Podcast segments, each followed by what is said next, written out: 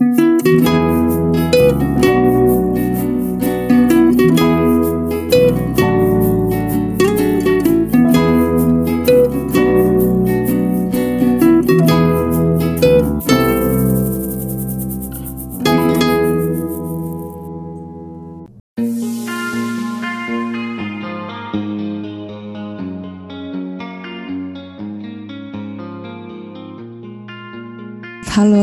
teman-teman semuanya, kembali lagi di podcast Some Story, sebuah cerita yang menginspirasi. Ketemu lagi sama gue, Oco. Asik kali ini gue yang intro podcaster nih, biasanya Bang Adam kan. Nah, di sini di sini kita akan ngulik suatu hal yang menurut gue menarik dan baru nih buat gue. Jadi tentunya ini akan dibahas bareng sama gestar yang seru juga. Nah ini sebenarnya melanjutin itu season 6 yang Hmm. kita lagi bawain juga nih ya. Beberapa sebenarnya tentang AM, terus tentang finance dan bisnis. Hmm. Jadi tema-temanya mungkin akan mengarah ke sana selama season 6 dan ini akan melanjutkan pembahasan itu sih. Nah sebelum kita akan melanjutkan pembahasan kali ini, jika teman-teman nih ingin berpodcast juga kayak kita kan, teman-teman bisa banget nih download app namanya Anchor yang biasa kita gunain juga untuk nge-publish dan membuat uh, show ini pastinya. Dan kita juga pengen kasih tahu buat teman-teman kalau misalnya buat podcast itu gampang banget dan 100% gratis. Dan gampang banget nih digunain. Teman-teman juga bisa distribusiin ke berbagai aplikasi lah kayak Spotify atau misalnya Apple Podcast dan lainnya juga gitu. Dan juga bisa untuk editing, recording dan juga nambahin bumper dan. Yuk langsung download Anchor untuk bisa berpodcast juga kayak kita. Nah, kira-kira kita akan membahas tentang apa di episode kali ini, Cok? Ya, seperti tema season 6 ya Bang. Finansial, bisnis. Kayak nggak jauh-jauh dari situ sih Bang. Usaha-usaha gitu Bang. Detailnya apa nih kira-kira di episode kali ini apa nih? Spoiler bignya itu adalah tentang berbisnis mungkin Bang. Terus bisnis, oke. Mm-mm. Jadi kita kan bahas soal sebenarnya di bisnis itu ketika kita mau buat bisnis ya, ya Mm-mm. mindsetnya sebenarnya kita mau ngejar apa, bisnis itu sebagai passion kita atau sebagai untuk pendapatan dan profit lah kayak gitu. Nanti Mhm. mungkin akan lebih mana sih kenapa apakah harus punya salah satu itu mindsetnya aja di hidup kita itu atau dua-duanya gitu kayak kita punya mindset dua gitu bisnis sebagai passion kita dan kita juga di satu sisi juga ngejar profit kan gitu Ah, lo sendiri mungkin kalau misalnya buka bisnis nih kira-kira lo akan punya mindset bisnis lo itu sebagai emang karena lo passion di sana atau emang lo ngejar profit aja gitu Kalau gua ya Bang eh dua-duanya kali Bang. Gimana tuh? kenapa itu dua-duanya Kayaknya karena kalau ya kan yang sedang digembor-gemborin kan harus passion gitu ya sejalan sama biar nanti passion lu bisa menghasilkan profit kenapa enggak gitu kan Iya, iya, iya juga sih. Kalau gua sih, dan juga sih bisa ke arah yang sama kayak lu, cuman pasti ada pertimbangannya sih. Jadi harus di dua itu. ya. Kenapa gua harus ke passion? Karena kalau misalnya kalau ngambil passion itu, kalau kita jalanin yang menurut gua nggak sesuai dengan minat kita gitu kan, Hmm. itu nggak akan nggak akan maksimal gitu. Jadi kayak Iya benar-benar orang-orang bilang kan bikin sesuatu di hati lah gitu. Mhm. Nah itu mungkin mungkin yang uh, tapi kalau cuma milih profit doang kayak tadi kan gitu ya kita ngejar sebanyak banyak untungnya tapi kayak lama-lama kan lo nggak punya sesuatu yang ngerasa kayak ini part lo gitu kayak ngerasa gitu. Kalau kalau kalau gue sih mikirnya gitu kalau Hahaha. Nah, ini kayak biasa kita ditemenin sama Gestar kali ini. Ini pebisnis juga ya. Pada malam ini kayaknya dianggap di nggak cuma di Indonesia tapi di luar juga nih. Kita langsung aja nih. Kita kenalan ada Kak Omar. Halo Kak, apa kabar? Halo, apa kabar teman-teman Halo semua? kak Kak Omar lagi sibuk apa nih? Lagi sibuk jalanin hari-hari aja, jaga warung. Jaga warung ya. Jadi, tapi Jaga jaga warung. warungnya bukan di tempat yang biasa nih guys. Jaga warungnya di mana? gimana tuh bang Kebetulan jaga warungnya di ada namanya warung kopi namanya Warkop NYC, tepatnya di daerah Hell's Kitchen, New York City gitu. Jadi jualannya jualan Indomie sama beberapa snack Indonesia lainnya. Lo kapan lagi makan mie kuah, cornet, terus pakai apa cok? Es teh misalnya iya. di New York gitu. di New York parah bang pinggir jalan gitu kan sambil Mm-mm. ngangkat kaki gitu. Kan dulu ada yang ngangkat kaki juga nggak? Kalau lagi ngopi di warkop. Gimana gak ada gak sih kak kayak misalnya nongkrong di warkop itu bule-bule ke bawah juga nggak? Jadi kalau misalnya ditanya vibe warkopnya, kita emang bawa banyak pernak-pernik warkop khas warkop gitu ya yang kita hadirkan di toko gitu ya di warung kayak TV cembung, terus kotak kerupuk, sendal, swallow gitu. Terus surprisingly banyak orang ngerasa komi dia ngomongnya ya karena kan konsep yang pengen kita bawa itu sebenarnya kayak everyday place for everyone ya. Jadi emang ya konsep warkop gitu di Jakarta juga orang-orang yang ke warkop tuh nggak mengenal background gitu dan berbagai kalangan. Terus biasanya entah sekedar mau ngelepas penat atau memang mau mengisi perut kayak gitulah ininya. Jadi budaya nongkrongnya tetap kita jaga gitu bahkan kayak ngobrol-ngobrol anak khas warkop mulai dari politik mungkin film fashion gitu. Ada atau sekedar uh, obrolan-obrolan hari-hari itu sering kita denger sih selama kita jaga gitu. Mungkin ya jauh nih sebelum kita akan ngobrol lanjut ngomongin soal warkop juga nih kan. Ceritanya gimana sih kak bisa terjun ke dunia bisnis terus habis itu pindah mungkin ke New York kayak gitu? Awalnya gimana sih? Oh kalau awalnya banget jauh sebelum warkop sih. Jadi kayak kalau ditanya ditanya kenapa terjun ke dunia bisnis? Sebenarnya kesenangan atau keseruan berbisnis itu aku temuin zaman masih kuliah mungkin ya. Dulu aku kuliah di Bandung gitu di Universitas Pajajaran ngambil ekonomi. Itu 2008 ya. 2000 periode 2004 2008 lah. Udah lumayan lama juga ya.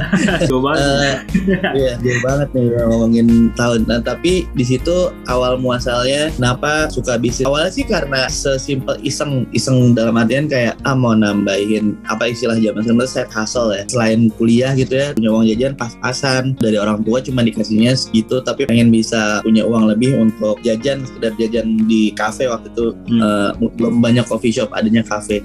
Waktu itu tuh pertama kali belajar tanda kutip ya itu jualan sekarang istilahnya thrift store ya. Baju-baju bekas itu kalau di Bandung tuh ada gede bagi namanya. Itu aku kayak kalau hari biasa dan kalau gede bagi milih-milihin baju terus kita cuci. Di hari Minggu itu buka lapak di di inilah depannya balai kota Bandung gitu. Di situ pertama kali ngerasain langsung gitu ya kayak habis subuh pergi ke kota terus buka lapak sama uh, teman-teman pelapak lainnya gitu dan ngerasain experience langsung. Nggak cuma ilmu berdagang yang nggak cuma textbook karena kan belajar ekonomi ada wirausaha juga ya kelas wirausaha. Cuma ini dari real case nya gitu. Di situ aku ngerasa kayak oh ini yang namanya jual beli antar manusia oh ini yang namanya marketing tradisional terus bikin bikin promo yang secara psikologi orang kalau kita tawarin baju biasa aja terus kita kasih gimmick dikit. Misalnya harga 5000 gitu terus kita bikin 10000 dapat dua. Kesannya kayak lebih banyak padahal sama aja. Orang jauh lebih tertarik gitu. Atau misalnya potongan harga dari 10000 jadi 5000 padahal harga baju memang 5000 jadi kayak konsep-konsep pelajaran atau wirausaha yang ada di kelas tapi kita praktekkan langsung tuh ternyata ada sensasi yang berbeda gitu kayak somehow kita ngerasa lebih energi ditambah lagi saat itu tujuannya benar-benar kayak mau seneng-seneng tapi juga dapat penghasilan tambahan kayak gitu. Dari situ mulai terpupuk lah jiwa wirausaha aku gitu ya zaman kuliah. Terus berlanjut sampai ke semester akhir itu aku bikin rental PS 4 atau 3 waktu itu lupa. PS 4 kayaknya. Awal-awal PS 4 ya. Iya awal-awal PS 4 itu bikin di samping kampus itu jauh lebih serius maksudnya kayak udah mulai sewa tempat terus udah gitu mikir ROI-nya mikir gimana dengan pelanggan terus punya moral of bisnisnya kayak anak kecil di luar jam sekolah nggak boleh main kayak gitu gitu eh di hari uh, kayak gitu yang mulai nambah lagi nggak nggak cuman gimana kita berbisnis menggunakan etika lah seperti itu. Aku mulai 2008 lulus mulai masuk ke dunia kerja ya masuk ke FMCG waktu itu nggak bisnis pure gitu. Jadi kayak tapi pas punya kerjaan di awal-awal tahun kerja kayak setahun dua tahun fokus di kerja aja gitu nggak punya side hustle. Tapi di tahun 2010 itu aku mulai tertantang lagi kayak aduh ternyata kalau kerja tuh ya seru gitu seru dapat penghasilan. Tapi tanda kutip hampir pasti gitu ya kayak gajian tanggal 30 terus kayak ya udah ritme hidup kita tuh teratur aja gitu. Kayak kerja pulang 9 to 5 terus kayak libur satu minggu hangout bla bla bla mulai lagi masalah yang sama selama 2 tahun. Tapi kangen gitu ada masa-masa kangen ada adrenalinnya ada banyak lah pengalaman-pengalaman seru selama berdagang. Akhirnya karena aku waktu itu suka dunia fashion aku bikin clothing line waktu itu sama teman-teman kampus juga gitu. Dari situ mulailah kita ada sampingan itu bikin kayak waktu Cino sama kemeja gitulah zaman-zaman. Tapi akhirnya dua tahun tiga tahun tuh berhenti karena masuknya retail-retail besar kayak Uniqlo yang harganya nggak bisa kita laut secara secara harga tapi kualitasnya bagus banget gitu. Jadi kayak oh ya udah namanya usaha tuh nggak boleh sampingan gitu. Kayak ternyata harus di bener-bener diliatin gitu. Kalau emang mau usahanya tuh bener-bener besar bertumbuh gitu. Dari situ berhenti tapi aku gak kapok aku mulai cobain lagi yang lain. Penasaran aku sempat punya F&B juga. Itu uh, pertama kali nasi uduk buan kacang tapi cabang Bandung. Uh, itu tradisional banget. Uh, seru. Uh, alhamdulillah bisnis aku di awal-awal nggak ada yang rugi tapi break even aja gitu. Yang aku dapat tuh bener-bener pengalaman. Cuman dari bisnis si nasi kebun kacang ini belajar banget gimana caranya mengelola manpower gitu. Dalam artian karyawan lah ya karena ya ada yang minjem uang terus ada yang upah harian upah mingguan upah bulanan. Wah itu benar-benar another thing lagi gitu. Kayak oh nambah lagi nih pengalamannya jadi kayak musim ngejaga mutim kita juga segala macam. Kayak gitu. Itu tuh mulai belajar tentang human resource-nya lah gitu. Kayak gimana mengelolanya. Dari situ udah top kita satu tahun karena ada kenaikan harga sewa kita nggak sanggup. Jadi kita stop. Aku kerja ya di di kantor gitu sempat di uh, Danone Unilever. Di situ aku tetap nggak me mematikan api. Someday aku harus punya usaha sendiri gitu. Di bidang apa masih pertimbangkan antara fashion retail dan juga F&B karena basically aku tuh punya kesukaan itu ke hubungan antar manusia. Artinya kayak komunikasi lah. Uh, salah satu soft skill aku yang cukup kuat itu di di komunikasi gitu bagaimana kita berkomunikasi dengan berbagai banyak macam kalangan. Sampai akhirnya tiba di 2015 akhir menjelang 2016 ya 2016 awal lah. Aku tuh waktu itu masih kerja di salah satu startup namanya Cherry. Aku ngerasa kayak oh ini nih saatnya punya usaha karena satu udah matang dari sisi ilmu gitu. Pas kerja aku kerja sama orang tuh aku benar-benar bukan cuman kerja doang gitu. Aku selalu ditanya sama aku em kamu apa nantinya? gitu ditanya. Dan aku selalu jawab someday aku harus punya usaha sendiri pak gitu. Nah kebetulan selalu dikelilingin sama atasan-atasan yang benar-benar ngedukung secara uh, skill set aku supaya entrepreneur entrepreneur skillnya tuh benar-benar pelatih jadi kayak dikasih tahu oke okay, kalau mumpung kamu masih tanda kutip digaji sama orang gitu ya jangan pernah takut untuk ngelakuin kesalahan-kesalahan yang berbeda setiap harinya. Supaya apa? Supaya nanti ketika punya bisnis sendiri udah tahu gimana cara ngelola karyawan sukanya di treatment seperti apa, gimana cara bikin contingency plan kalau misalnya bisnis nggak berjalan sesuai dengan rencana, hal-hal yang basic namun fundamental lah gitu buat menjalankan bisnis. Karena at the end kan ketika kita kerja di salah satu perusahaan kan sebenarnya itu bentuk paling besar dari sebuah usaha ya. Dia udah besar dulunya pernah kecil juga gitu walaupun udah multinational company gitu. Dari situ aku belajar mengenai sistem dan lain-lain. 2016 aku tadinya pengen punya satu franchise karena aku ngerasa oh sambil kerja nih sebuah franchise itu kayak roti gitu ya dari Bali yeah. namanya Monster Spoon sekarang ada di Pick. Udah ketemu orangnya terus kita ngeriset bareng ke Cipete gitu. Beliau bilang kalau Cipete ini udah bagus terus dia setuju tadinya udah mau buka tapi at the last time dia nanya mungkin nggak aku bikin satu central kitchen lagi? Artinya uh, sewa tempat satu lagi buat bikin pabrik lah intinya gitu mini pabrik Nah itu aku gak nyanggupin akhirnya kita batal saat itu. Tapi ternyata namanya rejection itu adalah new direction ya. Rejection is new direction. Jadi kebuka kebuka lagi nih. Aku waktu itu udah udah suka sama tempatnya. Terus aku ketemu partner aku juga saat itu untuk yuk kita bikin sesuatu yuk. Waktu itu idenya adalah bikin food court. 2016 itu zamannya banyak usaha-usaha anak muda di bidang F&B tapi musiman tanda kutip ya yeah. munculnya tuh ketika ada food bazar aja. Dulu kan banyak banget food bazar di mall gitu. Mungkin sekarang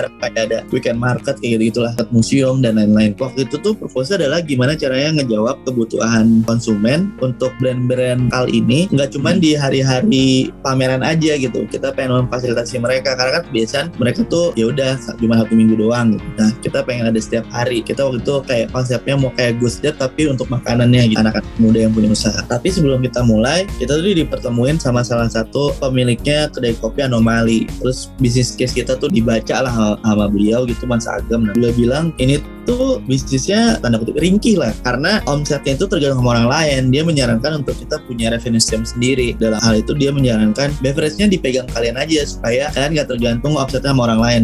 Bayangin kalau misalnya satu hari kalian semuanya dari barang dari vendor itu ada banjir gitu misalnya ya. Mereka nggak bisa kirim makanan. Terus kalian mau dapat omset dari mana? Terus iya juga ya kepikiran logik kan? Iya juga ya. Ya makanya bikin bikin aja beverage-nya sendiri. Dan waktu itu beliau bilang bikin uh, coffee shop aja dia bilang gitu. Jadi coffee shopnya minumannya dari kalian makanannya dari vendor gitu. Oh tapi kita nggak punya background kopi sama sekali. Beliau bilang kayak oh kopi industri yang itu ada masih baru waktu itu kayak kurang dari 10 tahun di Indonesia butuh banyak orang-orang baru lagi gitu 2016 dan cara community sangat kondusif karena mendorong orang-orang baru itu bermunculan saat itu ngomong gitu. Dan mau sharing lah ternyata benar kita ngeriset ngelakuin riset sendiri terus belajar dari kedai ke kedai lain. Ternyata benar orang-orang di bisnis kopi itu sangat suportif lah. Kita belajar nggak ada yang background kopi terus ketemu salah satu saudaranya partner aku. Dan di situlah kita mulai yang ketemu barista gitu ya yang bisa ngasih tahu how to doing a coffee shop gitu. Kayak dari mulai bikin SOP, harga pokok produksi, terus menu dan lain-lainnya. Kita develop bareng. Aku karena punya pengalaman di FMCG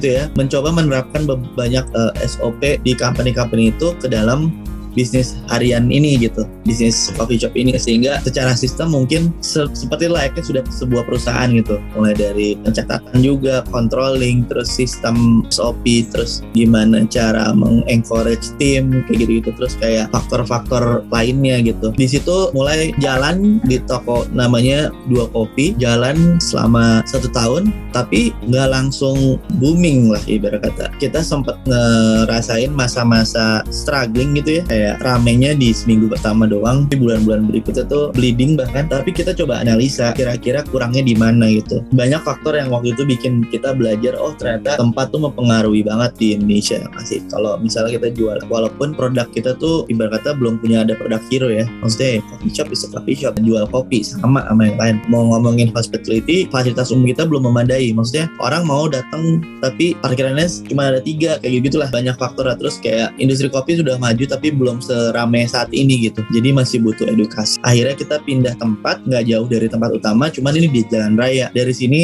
semua kurang-kurangan di tempat pertama tuh benar-benar kita tackle. Dan hasilnya benar-benar kelihatan dari hari pertama. Itu booming gitu ya rame terus terus kayak orang berdatangan. Padahal kita nggak punya produk hero cuman semua kebutuhan orang tuh benar-benar kita penuhin. One stop solution eh, produk yang baik tempat yang strategis uh, fasilitas umum yang memadai itu benar-benar kita cukupkan lah gitu. Aku sebenarnya ngejawab sebuah riset juga dari satu lembaga riset Nielsen waktu itu. Ternyata di kota-kota besar tuh yang dibutuhin sama orang-orang urban adalah apa istilahnya ya? Third place lah. Third place tuh kayak tempat ketiga mereka antara rumah dan kantor. Seiring berjalannya banyaknya pekerjaan-pekerjaan freelance itu mereka butuh tempat selayaknya working space tapi sifatnya lebih casual gitu. Ini cafe gitu. Mereka bisa kerja bisa hangout juga melepas penat juga. Jadi refreshing lah buat mereka kerja kita awalnya gitu menjadi ruang sosial lah untuk orang-orang yang ada di sekitar waktu itu lokasi Cipete. Tak awalnya sih kenapa pada akhirnya aku ketemu itu dan akhirnya di setelah kita pindah aku memutuskan untuk resign dari dunia kantor itu FMCG ya yeah. untuk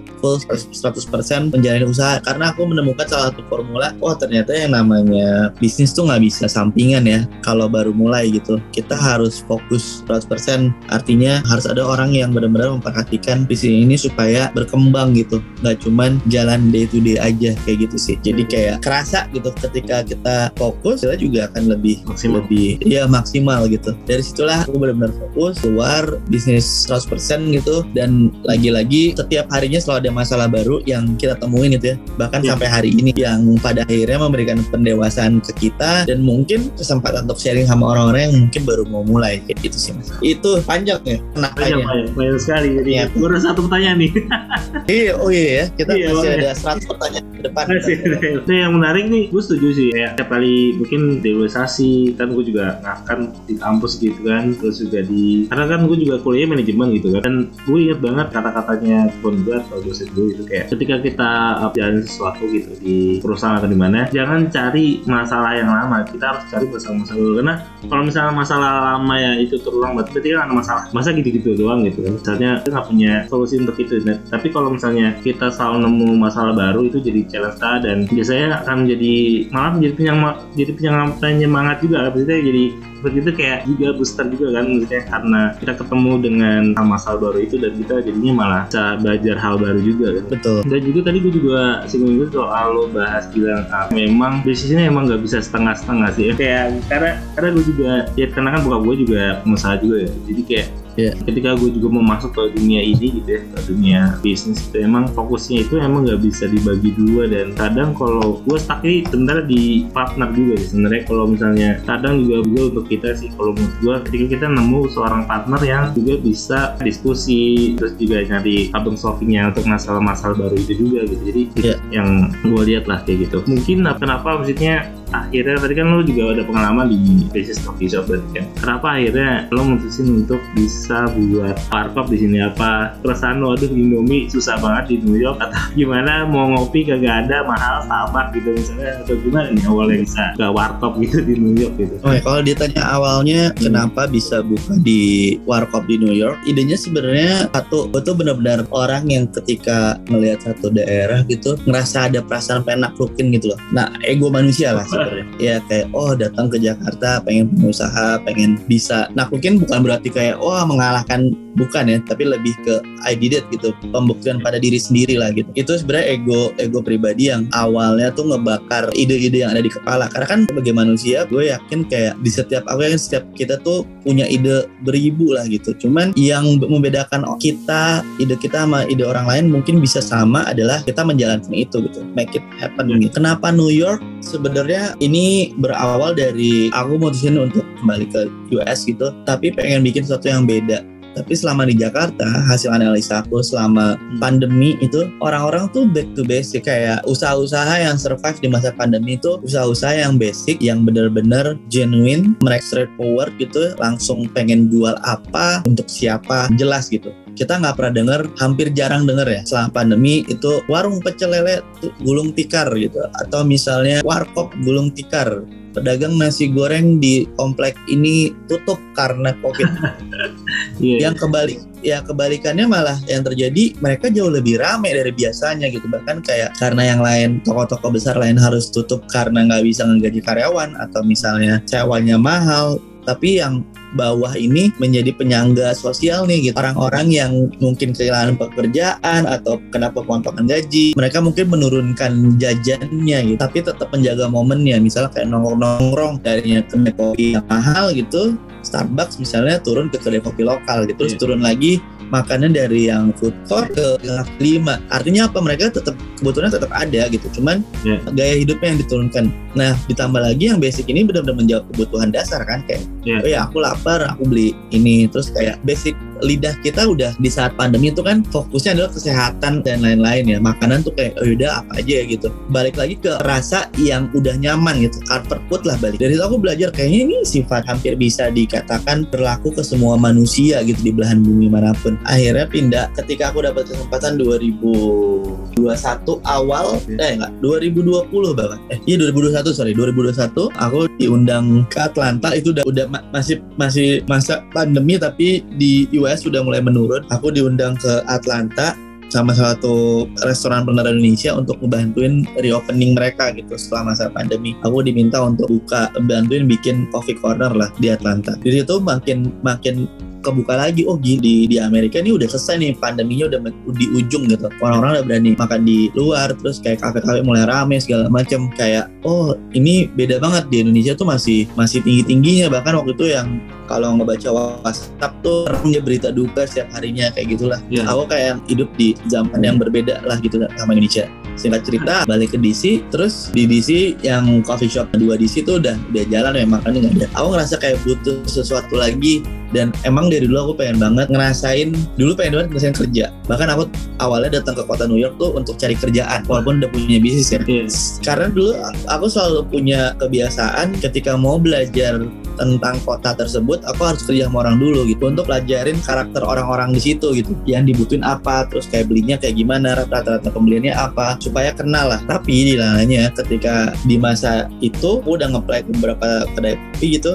Aku diketemuin sama partner aku yang sekarang teguh. Itu sebenarnya teman lama. Dia kayak kita aja mau bantu cuman eh cariin tempat yuk buat temen di Jakarta mau buka kedai di New York kita nyari-nyari tuh. Tapi udah dapat temen aku yang di Jakarta tuh kayak ngedelay lah maksudnya hold dulu. Nah sekarang deh Mar gitu. Mungkin akhir tahun ini gitu. Tapi kita udah dapat tempatnya. Nah kita berdua tuh believe sama punya kepercayaan. Kalau misalnya kita bikin yang basic aja gitu yang orang tuh nggak susah untuk menerimanya. Terus ditambah lagi Ya. Indomie itu menjadi salah satu senjata buat semua orang lah ya kita kayak ya udah ini kayak akses buat semuanya gitu. Karena kita nggak punya background nggak nggak punya background masak ya. Saya bukan chef bukan apa pun itu.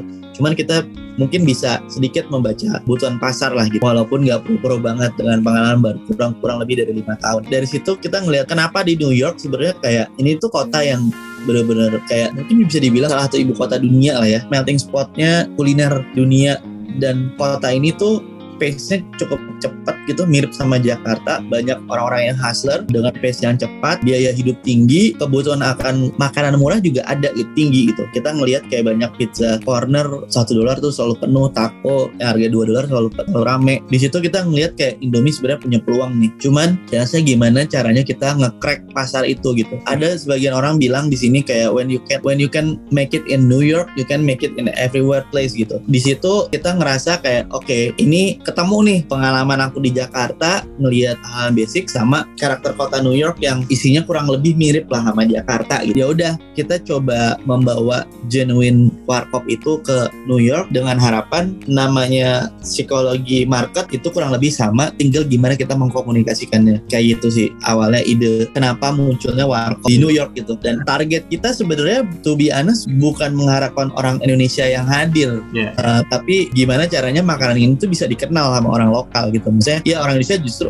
jelas gitu udah udah pada tahu. Bukan bukan yang harap ya kayak berharap tapi pengennya ini nggak cuma orang Indonesia doang yang nikmatin gitu orang lokalnya juga nah itu challenge-nya sih sekarang kayak gitu sih Aku setuju sih kak. Um, kayak justru budaya ini bakal lebih, lebih bisa dikenalkan kak ke negara lain tuh karena emang karena makanan kayak restoran Thailand, Vietnam gitu kan udah nggak sih restoran Cina juga ya kan itu itu udah, Iya. udah, uh, jadi kalau misalnya kita mau nyo- nyobain makanan Asia ya orang boleh tuh cari ke sana lah. Dari sini mungkin harus mengejar ketinggalan itu ya maksudnya walaupun lumayan udah mulai banyak nih yang buka-buka juga restoran gitu ya di Indonesia. Iya. Masih harus digalakan lagi terutama mungkin di pemerintah juga harus bantu juga ya kan nge-exposure itu juga kan. Dan ini memang ya kalau nggak Indomie itu nggak ini ya. Walaupun sebenarnya kalau Indomie di luar mungkin kalau lama ya, aku sih nggak tahu ya kalau di New York rasanya bedanya apa? Kalau di Indomie di New York sama di Jakarta. emang ada dua source ya jadi eh bahkan ada tiga setengah setahu aku. Jadi kayak teman-teman di food juga bilang kayak ada beberapa pabriknya dari pabrik Nigeria gitu ya. Ada yang dari Indonesia satu lagi itu dari lupa aku satu pabriknya. Cuman pabrik yang keluaran Nigeria ini menurut aku rasanya nggak seenak yang bikinan Indonesia gitu. Hmm. apa ya kadar matchingnya kayak kurang Ada gitu kurang ya. Iya, gak, Bener, gak, gak, gak gurih gitu. Kayak kita nyoba-nyoba sih waktu pas sebelum Iya. buka juga, aduh jangan deh kita tetap cari yang Indonesia dan kebetulan alhamdulillahnya di sini ada yang dari Indonesia, di, di- distributornya dari LA itu. Jadi ya udah kita tetap mempertahankan rasa original itu dan kebukti gitu setiap orang ngerasain yang big Indomie bikinan Indonesia dengan matching yang sama standarnya kayak Indonesia itu langsung kayak party lah gitu kayak wah Iya. this is it gitu. itu, itu, itu dia pembedanya kak. Karena aku juga pernah nyobain Indomie yang di Turki, bener deh. Di negara-negara lain gitu ya. Pas aku juga bawa juga ini Indomie dari Indonesia waktu itu kan exchange waktu itu. Emang benar-benar beda. Terutama mie gorengnya. Yang penting kan kalau mie goreng itu rasa-rasa ini ya tambah sama sedikit bawangnya itu khas banget ya Indomie. Iya. Goreng Indonesia. Peremian nih seru banget. beda pabrik beda rasa gitu baru tahu sih aku sih. Untuk untuk in generalnya gitu, Kak Umar misalnya tuh plus minusnya tuh kan selain nambahin cuan sama kayak pasti capek gitu kan dengan konsep yang baru kayak gitu tuh plus minus jalanin bisnis itu ada nggak sih Kak? banyak sih sebenarnya kalau plus minus kalau tadi mengutip kisah kisah perjalanan aku plus minusnya banyak banget. Bisnis itu kan nggak melulu langsung berhasil ya semuanya tuh Mhm. berproses gitu. Nggak ada yang instan. Bahkan kalau instan aku ngerasa kayak there is something happen untuk prosesnya kayak dibalik aja gitu. Mungkin tinggi terus nanti kalau misalnya orangnya nggak bisa memanfaatkan momentum bisa turun gitu. Bahkan kayak ya kayak banyak lah usaha-usaha yang musiman gitu. Plus minusnya banyak banget gitu kayak tapi yang paling penting tuh kita harus punya bisa dibilang purpose lah ya tujuannya gitu. Kenapa kita buka ini gitu. Itu paling penting karena bisnis naik turun mau bisnis apa pun itu pasti ada naik naik turunnya. Nah ketika turun itu kita harus ingat lagi purpose-nya apa gitu. Apakah ini buat penghasilan kita kah atau untuk bantu orang atau apa pun lah itu. Itu yang harus dipegang sih supaya apinya tuh nyala terus gitu. Karena ini bukan ibarat kata garis finishnya tuh nggak ada kalau udah bisnis tuh udah kayak Hmm. kontrak lah gitu Hmm. Eh, selama kita kalau emang beneran pengen terus-terusan ya untuk nyampe ke tingkat yang oke apa misalnya kayak F&B M-nya apa sih? Kalau sekarang udah kayaknya kalau ngelihat kayak kopi kenangan terus kayak Baba Raffi itu bukan hal mustahil. Bisnis-bisnis UMKM itu bisa berkembang menjadi sebuah perusahaan yang IPO kayak gitu. Itu kan sebenarnya mimpi yang paling tinggi ya orang membuat sebuah bisnis gitu atau independen secara finansial gitu. Kayak ya udah uang yang bekerja buat kita itu juga another thing. Gitu. tapi untuk menuju ke sana pasti ada jatuhnya ada turunnya ada stresnya juga gitu. Kayak tak kayak tadi di awal-awal. Bisnis yang aku jalanin pun ada fase itunya gitu. Jadi selain capek tapi capeknya itu aku ngerasa kayak selalu ngasilin manfaat buat orang lain. Sekalah-kalahnya kita itu ada orang lain yang ngerasain manfaatnya. Entah tim kita gitu ya bisa dapat penghasilan atau kitanya yang mendapat knowledge baru. Itu sih selain capek ya Hmm. itu yang yang nggak bisa di yang nggak bisa di, dinilai dengan currency ya, uang gitu ya. Kayak ada sisi batin yang terpenuhi lah. Tadi kakak juga sering atau menyebut tentang bisnis yang musiman lah gitu kan atau viral doang lah kayak gitu. Nah, ya ya kira-kira gimana sih mengatasi hal itu dan uh, gimana caranya kita tuh bisnis tetap sustain gitu? Dan mungkin juga untuk yang mau mulai bisnis gitu gimana caranya mungkin apakah punya mindset kayak kita cari yang sesuatu yang hype kita ikut-ikutan di sana atau kita cari yang mainstream gitu ya dan kita masuk ke sana gitu. Atau jadi berusaha jadi trendsetter lah untuk satu bisnis gitu atau satu produk yang dia buat gitu. Bagus sih pertanyaan kan karena banyak banget sekarang orang kayak orang tuh bisnis sekarang banyak juga yang sekedar memenuhi kebutuhan sosial media kali ya. Iya. Bisnis cuman buat post post posting doang tapi nggak tahu cara menjalankan atau nggak ikutan dalam day to day prosesnya gitu. Ya kalau kayak gitu mah semua orang jadi influencer aja nggak usah jadi businessman gitu. Tapi yang, yang itu yang aku bilang tadi sebenarnya tuh kalau misalnya nyari viral doang kayaknya agak aneh ya maksudnya kayak aku kurang nangkep gitu kalau misalnya orang gini gimana caranya bisa jadi viral karena viral itu sebenarnya nggak bukan tujuan gitu. Iya. itu itu tuh emang sebuah bonus dari kita menjalankan proses pendalaman background kenapa bisnis ini mu- muncul gitu. Viral Hmm. itu kan sebenarnya karena genuine gitu karena memang kena ke hati orang gitu ke masyarakat karena memang mungkin secara emosional dapet gitu ke, ke orang-orang gitu. Kalau ditanya gimana cara bikinnya supaya jadi viral berarti risetnya harus panjang gitu. Karena semua produk itu tuh kan punya ikatan emosional dengan konsumennya. Nah gimana kita bisa ketemu di situnya itu kayaknya viral itu bisa jadi bonus tambahan gitu. Karena Iya. ya katakanlah yang sekarang ada di Indonesia deh. Dan selalu ada cerita cerita di balik viral itu sendiri. Misalnya Iya. makanan khas Indonesia terus kayak makanan perjuangan dia ketika lagi susah-susahnya from zero to hero. Itu kan faktor-faktor yang bisa didramatisir sehingga menjadikan orang tuh FOMO gitu. Pengen pengen ikutan pengen ikutan. jadi akhirnya bergulir tuh beritanya dari satu ke satu yang lain-lain. Iya, jadi kayak nah ketika kita bisa menyentuh sisi itunya background story-nya storytelling-nya terus kayak produknya benar-benar menyentuh berbagai kalangan dan diiyakan iya lagi gitu. Kadang kayak iya ya gitu. Ini memorize banget buat kita atau misalnya rasanya sangat memorable kayak gitu. Atau Hmm. oh aku jadi inget kalau ke sini jadi apa atau misalnya emang enak banget gitu yang ada experience khususnya ketika dia datang ke situ itu bisa jadi sesuatu atau yang membanggakan lah gitu biasanya itu Mhm. secara nggak langsung karena kesamaan emosional dari semua orang itu yang bisa bikin sebuah produk itu viral menurut aku kayak gitu sih. Mungkin juga aku sebelumnya ngobrol juga sih sama salah satu founder juga dari salah satu bisnis FMB juga tuh. Dia punya misi pengen bisnisnya itu menjadi sebuah lifestyle. Menurut menurut kakak gimana kira-kira? Dari mungkin dia kan basicnya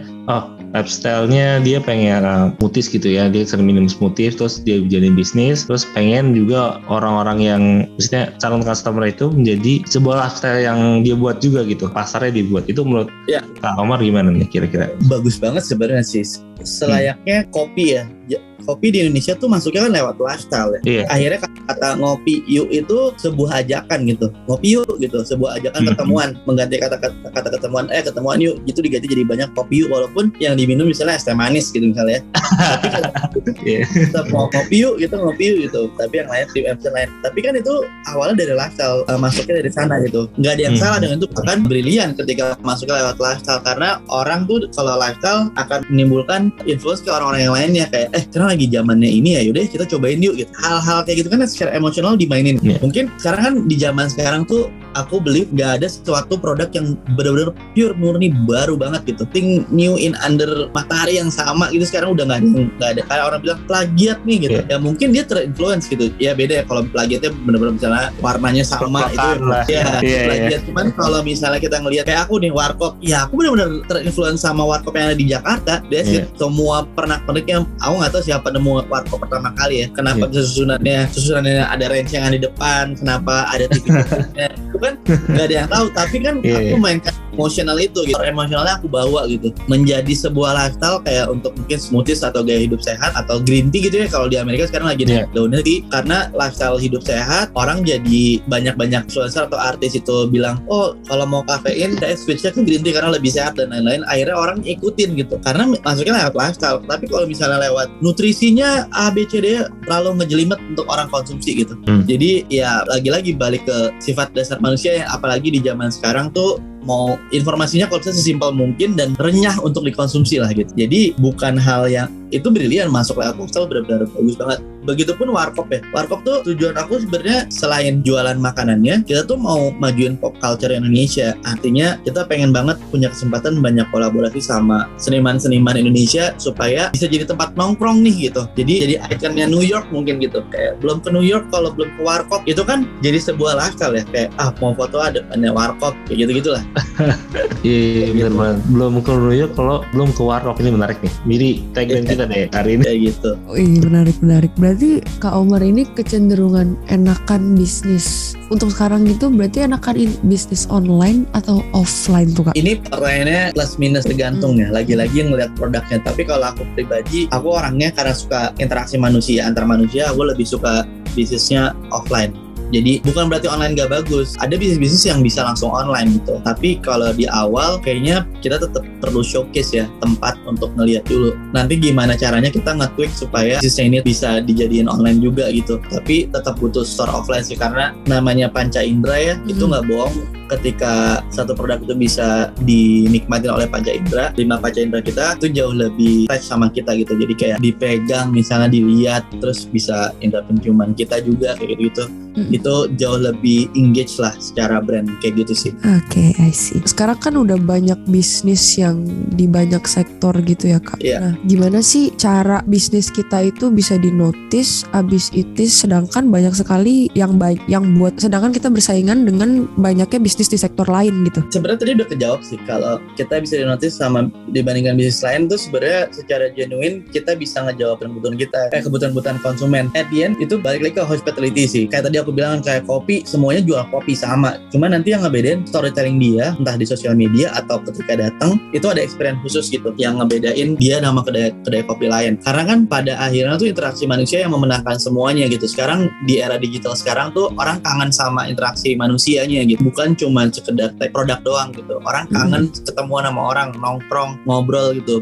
Yang hal-hal yang yang basic needs manusia. Dan itu yang sebenarnya sekarang ini semakin brand itu jujur itu semakin kangen untuk didatengin kayak gitu kayak kayak kayak kita deh eh ke sini aja yuk mbak-mbaknya baik gitu baristanya Hmm. ini gitu kenal aku gitu. Padahal dia sesimpel hafal nama doang gitu. Tapi ketika kita bawa teman kita misalnya berempat terus kita disapa halo misalnya Mbak Putri gitu. Kita ngerasa wih gila lu, sering ke sini ya gitu. Kayak ada perasaan seneng secara nggak langsung ya itu kan Iya, dimainin iya. psikologinya gitu yang bikin kita udah ke sini lagi aja balik lagi kayak ngerasa bangga datang ke sana padahal bukan punya kita kayak gitu sih Hmm. itu salah satu bentuk untuk kita dinotis Gue setuju sih dan mungkin gue ada satu hal yang gue penasaran sih. ya. Lebih kalau kakak di satu pilihan kira-kira bisnis itu menjadi sebuah legacy kayak misalnya kayak kakak sering lihat kan di Jakarta kayak oh bakso dari dari 1970 berapa? Atau ketoprak Ya, ya. dari 1950 misalnya gitu atau soto mana ya kan? Atau sekarang lagi zamannya di mana kayak ya Baba Raffi atau Baba Raffi Group ya. Ya, ada macam-macam ya. Atau bisnis bisnis lain yang mulai ya ciptakan grup dan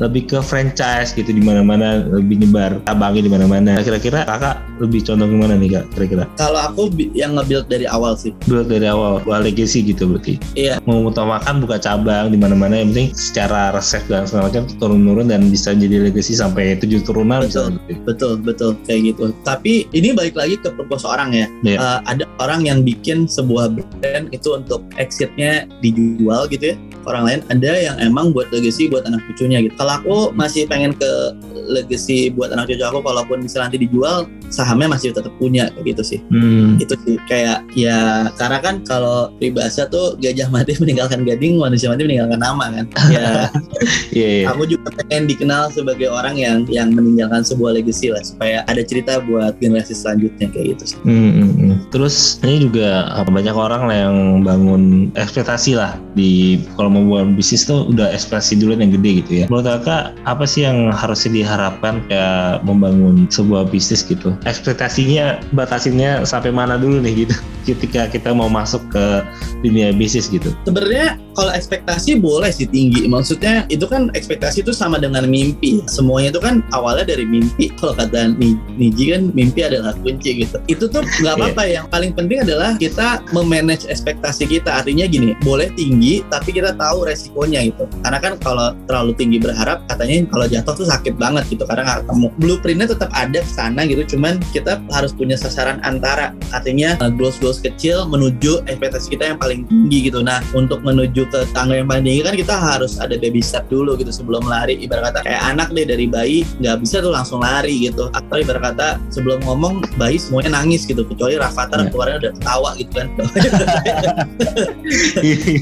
Nggak ada yang instan gitu kayaknya di ini. Jadi kayak kalau misalnya mau berekspektasi tinggi sah-sah aja. Karena itu yang Hmm. akan membakar semangat kita gitu dan tahu arah tujuan usahanya mau ke mana tapi jangan lupa untuk menikmati proses setiap prosesnya gitu karena nggak ada yang ngelewatin tangga pertama langsung ke tangga akhir gitu Menurut Kak Omar, ini pertanyaannya yang dikasih sama Bang Adam sih tadi di awal ke aku. Better menjalankan sebuah bisnis itu dengan passion atau ngejar profit atau bahkan dua-duanya Bang? kalau profit ya wa- wajib ngejar profit iya, ya. iya. karena nggak ada profit passionnya kita nggak bisa makan dari passion sebenarnya profit tuh mesti benar-benar didahulukan lah bukannya mata uang cuman nonsense gitu. Kita mau ya sama aja kayak sebuah ego atau uh, pattern yang pengen kita paksain sendiri selera gitu ya. Tapi kalau nggak ngasilin duit juga susah gitu. Jadi harus balance pinter-pinter balancing gitu. Kayak pandai membaca situasi juga gitu. Misalnya ada orang datang banyak yang datang sukanya kita dari Indonesia oh Indomie telur kornet itu paling enak gitu. Mm-mm. Uh, passion aku di Indomie telur kornet. Pokoknya Indomie telur kornet. Tapi pas jualan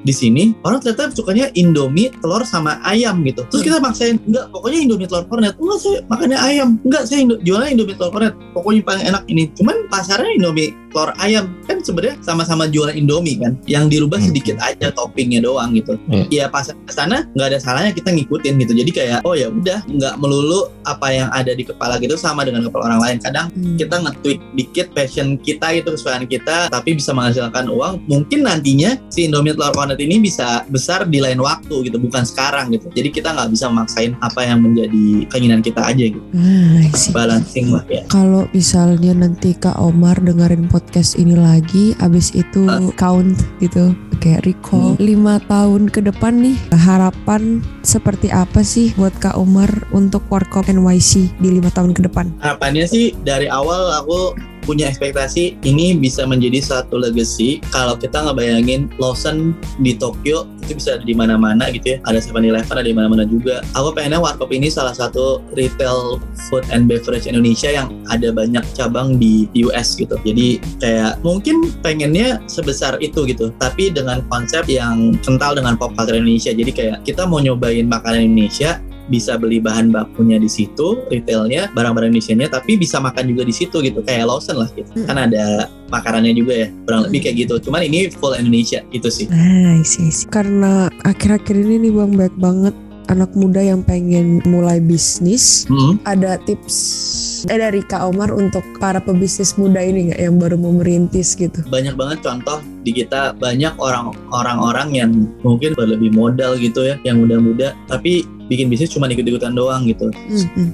kasarnya bisnisnya untuk keperluan netizen gitu posting posting Iya. gaya-gaya gitu kayak ya nggak ada salahnya sih. Tapi salahnya adalah kayak semua itu perlu kita pertanggungjawabkan gitu. Semua itu benar-benar menjalankan bisnis itu nggak seindah instastory yang 15 detik doang gitu. Itu banyak lebih banyak keringatnya di awal gitu. Mungkin kalau melihat yang sekarang udah sukses kita nggak pernah tahu di satu dua tahun awal tuh se-struggle apa mereka gitu. Mungkin nggak gajian apa segala macam.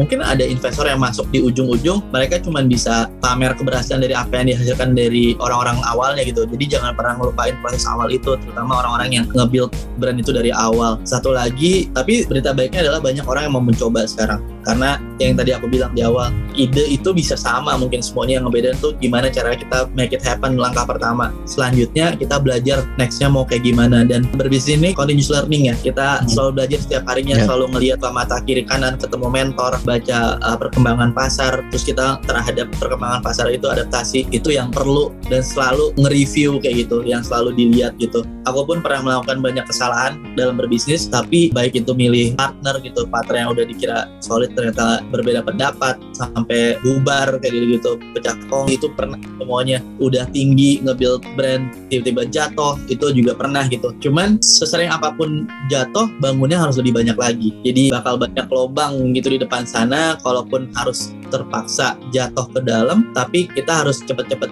cari jalan keluarnya kayak gitu. Satu buat aku prinsip dalam berbis- berbisnis adalah itu ada setiap individu kita tuh ada banyak untuk bisa sukses atau berhasil dalam bisnis atau naik ke atas lah ya. Tapi saran aku itu dengan cara bekerja sama atau kolaborasi tapi tidak dengan menginjak orang lain. Itu aja sih menurut aku. Oke, luar biasa sekali itu mungkin jadi passion dan satu jawaban yang pemungkas ya. Iya. Mari kita berkolaborasi tapi jangan injak orang lain itu benar banget. Dan karena zaman sekarang gue setuju banget menjadi sebuah kesimpulan juga ya untuk episode kali ini. Kita tuh emang secara kompetisi untuk ya kalau misalnya ini bagus maksudnya kompetitif lah boleh lah gitu ya tapi tetap Ya. kita terbuka untuk kolaborasi lah untuk saling Betul, uh, betul. bantu dan untuk apalagi kita sesama Indonesia kalau bisa FMB atau bidang-bidang lain kita bisa mendunia lah gitu ya Iya. oke dari Oco gimana nih Cok lihat episode kali ini kira-kira nih Episode kali ini seru banget bang. Soalnya ini insight baru banget sih buat gua kayak maksudnya Mhm. biasanya sering denger tuh kalau temen-temen kuliah tuh eh teman-teman kuliah teman-teman SMA tuh baru lulus SMA biasanya pada gap year gitu kan itu pada ngide-ngide bikin warkop gitu-gitu kan dan ternyata Iya, emang iya. nggak mudah nggak semudah itu gitu ada step-step yang harus dijalanin dulu ada niat yang harus dikencengin dulu gitu sih bang Iya iya benar benar benar. Ya pernah juga kan karena kan di sini juga kita kan komunitas podcast ya lu terasa lah kan kita gimana ya membangun tetapan hati ya kita harus berkarya terus Iya. nih kita harus nge-podcast terus ya, ya sama benar. Bisnis juga sama kayak gitu kan. Emang harus punya tekad yang kuat banget nih. Nah kalau buat temen-temen nih kira-kira yang mungkin misalnya kalau ada yang mau pengen ikutin Kak Omar secara personal atau pengen ngikutin kegiatan warkop gitu atau ada project-project lainnya mungkin boleh di-share Kak kira-kira. boleh bisa menyapa aku di sosial media kali ya lebih enak di omar.k.prawiranegara atau ke sosial medianya Warkop itu at Warkop NYC. Oke, jangan lupa di follow personal Kaoma dan Warkop NYC. Mudah-mudahan mungkin buka cabang di misalnya California atau di mana gitu. Jadi amin. Warkop California ya kan, Warkop LA gitu. Kalau ada Ya, teman-teman yang ingin bekerja sama atau ada ide untuk konten podcast Some Story selanjutnya, hit us up on Instagram at podcast underscore some story dan juga bisa melalui email kita di podcastsomstory at gmail.com. Oke, thank you buat teman-teman semua yang udah mendengarkan podcast Some Story episode ke-79 bersama Kak Omar. And see you on the next episode. Dadah. Dadah. Bye-bye. Dadah.